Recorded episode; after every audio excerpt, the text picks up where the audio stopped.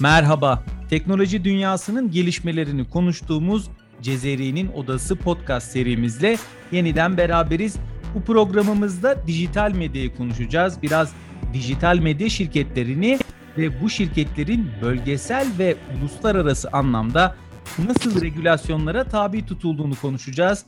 Anadolu Ajansı teknoloji muhabirleri Tolga Yanık ve Kadir Günyol bizlerle birlikte bugün. Tolga hoş geldin. Merhabalar, hoş bulduk. Kadir sen de hoş geldin. Hoş bulduk, merhabalar.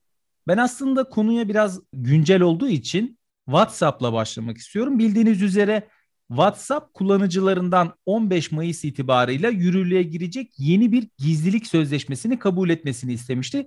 Tabii bu sözleşmeyi daha önce e, Şubat ayı içerisinde kabul etmelerini istemişti. Fakat biraz tepkilerden sonra bunu 15 Mayıs'a erteledi. Bu konu ciddi bir veri güvenliği tartışmasına dönüşmüştü ve belki de internet tarihinin gördüğü en büyük dijital göçe yol açmıştı. Ve vakit geldi çattı. Hemen Kadir'e soralım. Şimdi ne oldu? WhatsApp bu konuda nasıl bir politika izleyecek? Şimdi geçmişe dönük bir hatırlama yaparsak WhatsApp kişilerin bilgilerini, metadatalarını bunu biraz açmak istiyorum. Çünkü Türkiye'de biraz e, yanlış anlaşılıyor. WhatsApp'taki ve diğer mesajlaşma uygulamalarındaki yazışmalar uçtan uca şifreli olduğu için yazışmaların içerikleri hiç kimseyle paylaşılamıyor. Zaten yasal olarak bu yasak. Metadatalar dediğimiz konum bilgileri, IP adresleri, dil ve zaman dilimi gibi cihazın kimliği gibi bilgiler üçüncü şahıslarla Facebook üzerinden paylaşılacak. WhatsApp bunun iznini istemişti kullanıcılardan. Ancak kullanıcılardan gelen büyük tepkiler üzerine WhatsApp bunu 15 Mayıs'a kadar ertelemişti. Şimdi 15 Mayıs tekrar geldi. WhatsApp aşamalı olarak kullanıcılara tekrar bu gizlilik sözleşmesini dayatıyor. Bu anlamda WhatsApp kişilerin metadatalarını kullanarak e, bu metadatalardan aslında bir gelir elde edecek. Yani WhatsApp bildiğiniz üzere uygulaması için bir para almıyor. Bu bilgileri üçüncü şahıslara Facebook üzerinden satarak para kazanacak. Aslında bütün meselenin özeti buydu. Bir de şöyle bir şey var. Son günlerde sanırım birkaç gün önce WhatsApp'ın resmi hesabı Twitter üzerinden bir paylaşım yaptı. Dediler ki hayır kişisel mesajlarınızı göremiyoruz. Hayır hesabınızı silmeyeceğiz. Evet istediğiniz zaman kabul edebilirsiniz. Yani bu ne demek? Bu biraz ucu açık bir şey. Burada bir zaman kavramı da yok. Ama kesinlikle bunu kabul etmesini istiyor herhalde kullanıcılarında. Evet. Aslında burada WhatsApp biraz strateji değiştirdi. Yani direkt hesabınızı sileceğiz demekten ziyade bu işi biraz sürece yayarak insanları alıştırmaya çalışıyor benim anladığım kadarıyla. Çeşitli kısıtlamalar getirecek peyderpey zaman sürecinde. Yani mesela uygulamanızın rehberine erişemeyeceksiniz. WhatsApp'ın rehberine erişemeyeceksiniz. Görüntülü konuşmalar yapamayacaksınız bir müddet sonra ama bunların hepsi şu an ucu açık. Ne zaman ne olacağını tam söylemiyor ama belli kısıtlamalar yapacağını biliyoruz şu anlık. Peki Tolga'ya dönmek istiyorum bu konuyla ilgili. WhatsApp bu konuda Avrupa Birliği ülkelerini ayrı tuttu bildiğim kadarıyla. Peki burada bir ayrımcılık mı söz konusu? Şimdi şöyle bir durum var. Ee, WhatsApp bildiğimiz gibi Facebook'un bir platformu yani Facebook şirketi adı altında hizmet veren bir platform.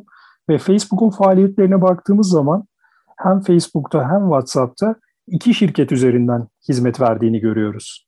Bir şirketini genellikle Amerika merkezi olarak konumlandırıyor. Diğer şirketini ise İrlanda merkezi olarak konumlandırıyor. Bilindiği gibi teknoloji şirketleri vergi avantajları nedeniyle İrlanda'yı merkez olarak tercih ediyorlar. Ve WhatsApp da İrlanda'da ikinci şirketini bu şekilde konumlandırıyor. E, bu konumlandırmayı sadece vergi avantajı yüzünden olduğunu da görmüyoruz. Çünkü bu son WhatsApp'ın veri kriziyle ilgili olayda Avrupa ülkelerinin bu yeni güncellemeden etkilenmediği görüldü. WhatsApp böyle bir açıklama yaptı. Bunu yapmasının sebebi şu, Avrupa Birliği'nin veri korumaya yönelik sert politikaları. Teknoloji şirketleri bu nedenle veri politikalarını oluştururken Avrupa Birliği'ne daha böyle bir ihtimamla yaklaşıyorlar. Bu nedenle aslında bir çifte standart olduğunu söyleyebiliriz. Peki burada şöyle bir durum söz konusu oluyor o zaman. Avrupa Birliği regülasyon konusunda çok sert davrandığı için diş geçirebileceğini düşündüğü ülkelere bu tarz yaptırımları kabul ettirmek istiyor. Bununla ilgili ama bildiğim kadarıyla da Türkiye'de bir aksiyon aldı. Hem de çabuk bir aksiyon aldı. Rekabet Kurumu bir soruşturma açtı diye biliyorum. Bu konuyla ilgili neler söyleyebiliriz? E, WhatsApp'ın veri krizi gündeme geldiğinde e, rekabet kurumu da kullanıcılar tabii ki yoğun bir tepki gösterdiler. Rekabet kurumu da bu tepkilerle birlikte resen bir soruşturma başlattı ve kullanıcıların verilerinin ihlal edilip edilmediği ile ilgili bir soruşturma yürüttü. Hala bu soruşturma yürütülüyor diye biliyoruz. Ardından bilindiği gibi Türkiye'de teknoloji şirketlerinin yasal temsilci bulundurma zorunluluğu da yasal düzenlemelerle getirilmişti. Evet. E, ardından Facebook'ta atamayı gerçekleştirdi. Artık zaten böyle bir veri ihlali veya kullanıcıların mağduriyet yaşaması durumunda artık Facebook'un yasal olarak Türkiye'de bir muhatap olduğunu ve yasalara tabi olabileceğini rahatlıkla söyleyebiliriz. Evet aslında burada Türkiye'de kamuoyunda sosyal medya yasası olarak bilinen bir yasa çıkartıldı ve bu yasada şunu söylüyor.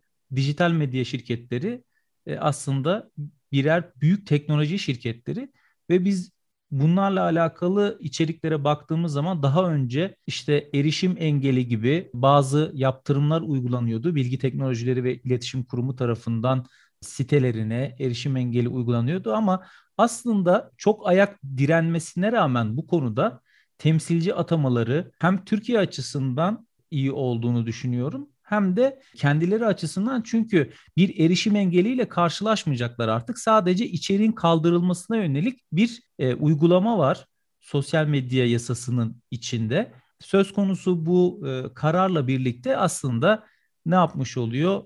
Sosyal medya siteleri şahısların kullanıcılarının yapmış olduğu, işlemiş olduğu suçlardan biraz bağımsızlaşmış oluyor ama bu içerikleri kaldırıp kaldırmaması da aslında onların sorumluluğu. Çünkü herkes hemen hemen her şeyi yükleyebiliyor. Bunları denetleyip en azından şikayet üzerine bunların kaldırılması onların sorumluluğu olduğunu düşünüyorum. Bu anlamda temsilci atamalarının da Türkiye'nin bir muhatap bulması açısından önemli olduğunu düşünüyorum. Ve söylenenin de aksine yani yasa dahilinde temsilci atama zorunluluğu olan bütün dijital medya şirketleri de Türkiye'de temsilci atadılar. Burada aynı zamanda yine vergilerini verecekler. Bu konuyla ilgili hem Avrupa Birliği'nde hem de ABD'de durum nasıl? Bunda Kadir'e sorayım. E, zaten bildiğiniz gibi e, Facebook, Instagram, e, Twitter gibi sosyal medya platformları ABD merkezli oldukları için ABD yasalarına bağlı bulunuyorlar mecburi olarak. Ama bunun dışında bir ek olarak şunu söylemek gerekiyor. Biliyorsunuz Amerika'da 230 numaralı bir yasa var. Bu yasa sosyal medya şirketlerini e, kullanıcıların yazdıkları içeriklerden sorumlu tutmuyor. Yani ben suç işleyen bir şey yazmış olabilirim.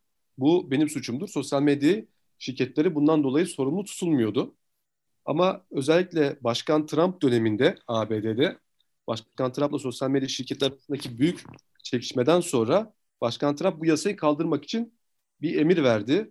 Daha sonrasında Biden 2019'da New York Times'a katıldığı programda o da bu yasadan çok şikayetçi olduğunu ve sosyal medya şirketlerinin bu kadar güçlenmesine karşı olduğunu söylemişti.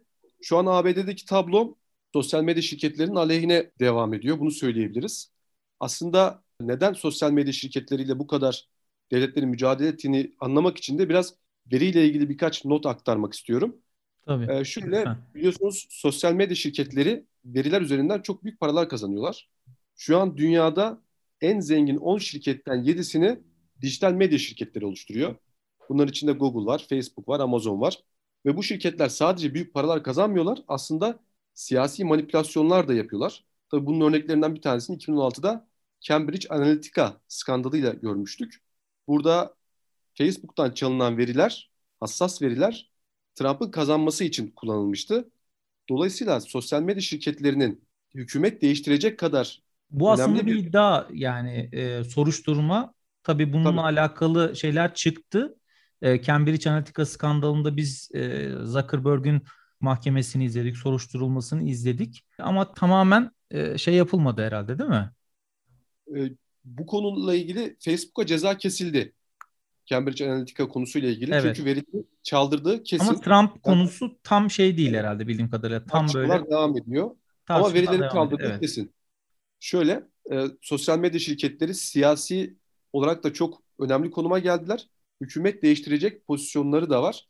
Dolayısıyla bu yüzden sosyal medya şirketleriyle başta ABD ve Avrupa Birliği olmak üzere birçok ülke aslında kısıtlamalar ve regülasyonlar getiriyor.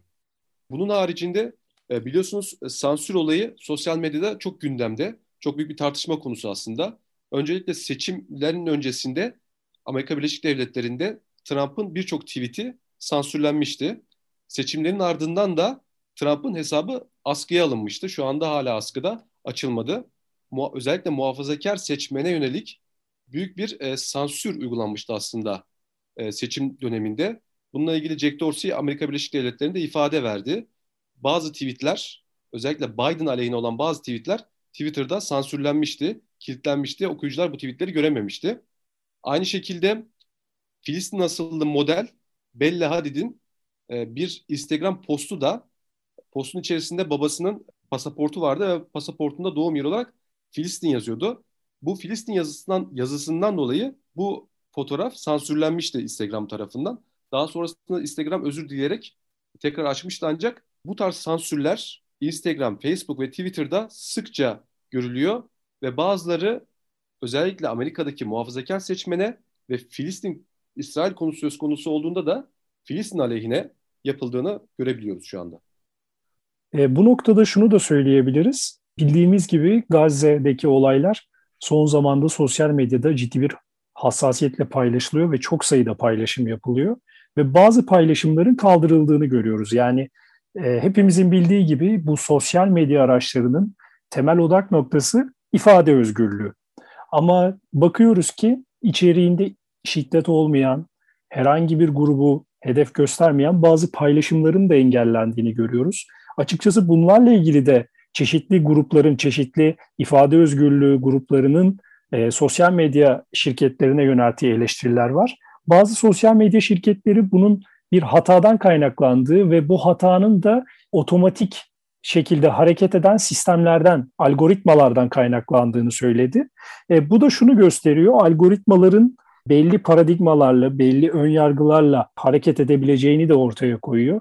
Açıkçası çok kapsamlı bir sorunla karşı karşıyayız. Peki Tolga bununla ilgili uluslararası yaptırım yapan regülatör kurumlar var mı? Yani hani burada hiçbir denetleme mekanizması çalışmıyor mu? Şimdi şöyle denetleme mekanizması aslında sosyal medya şirketlerinin ve platformlarının kendi sistemleri içerisinde yürüyor.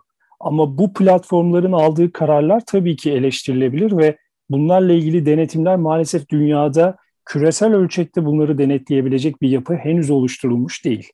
Mesela baktığımız zaman bahsettiğimiz gibi Avrupa Birliği'nde şirketlerin ayrı bir şirket kurduğu ve farklı politikalar güttüğünü görüyoruz. Neden böyle? Çünkü Avrupa Birliği çok sayıda ülkeyi temsil ediyor ve o nedenle bu şirketler üzerinde bir baskı unsuru oluşturabiliyor. E, diğer ülkeler münferit tek başına hareket ettiği için sosyal medya şirketleri onları çok ciddiye almayabiliyor. O nedenle önümüzdeki süreçte küresel boyutta bir organizasyon kurularak bu şirketlerin denetim sürecinin daha daha etkili bir hale getirilmesi bence önem taşıyor. Yani aslında hem yerel hem de uluslararası olarak bu konuyla ilgili bir çalışma yapılması gerekiyor. Türkiye bununla ilgili sosyal medya yasasını çıkartarak bir ilgili bir adım attı.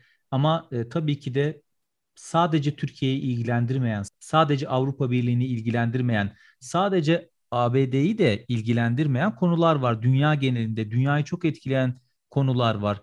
Orta Doğu'daki ülkeleri e, ilgilendiren konular var. En azından bununla ilgili belki de Birleşmiş Milletler'in bir uluslararası yani internet üzerinden yürüyen dijital medya şirketlerini denetleyecek, onlarla ilgili bazı kararlar alacak. Eşit şartlardaki, bunu e, biraz vurgulamak istiyorum. Eşit şartlarda tüm ülkelerin yer alacağı e, bir uluslararası platformu, denetleyici ve düzenleyici bir platformu kurması gerektiği artık aşikar diyebiliriz değil mi? Kesinlikle. Buna ihtiyaç olduğu çok aşikar. Evet bugün Cezeri'nin odasında teknolojiyi konuştuk. Yine dijital medyayı konuştuk. Dijital medya şirketlerini, dijital medya devlerini ve onlara karşı uygulanan regülasyonları konuştuk. Tabii bu konuyla ilgili yine detaylı konular var, alt konuları var. Özellikle veri konusu Kadir de buna çok değindi. Veri konusunda belki başka bir programda veri konusunu da daha detaylı bir şekilde inceleyebiliriz. Çünkü veri alanında özellikle uluslararası anlamda çok büyük açıklar var. Bu konuyu da inşallah belki başka bir bölümümüzde detaylı olarak ele alırız. Kadir'e ve Tolga'ya çok teşekkür ediyorum. Bizleri sosyal medyada takip edebilirsiniz. Twitter'daki adresimiz AA Sesli. Yine bizi dinlediğiniz Spotify, SoundCloud, Apple Podcast gibi uygulamalarda takip etmeyi unutmayın. Cezeri'nin odasından bu bölümlük bu kadar. Hoşçakalın.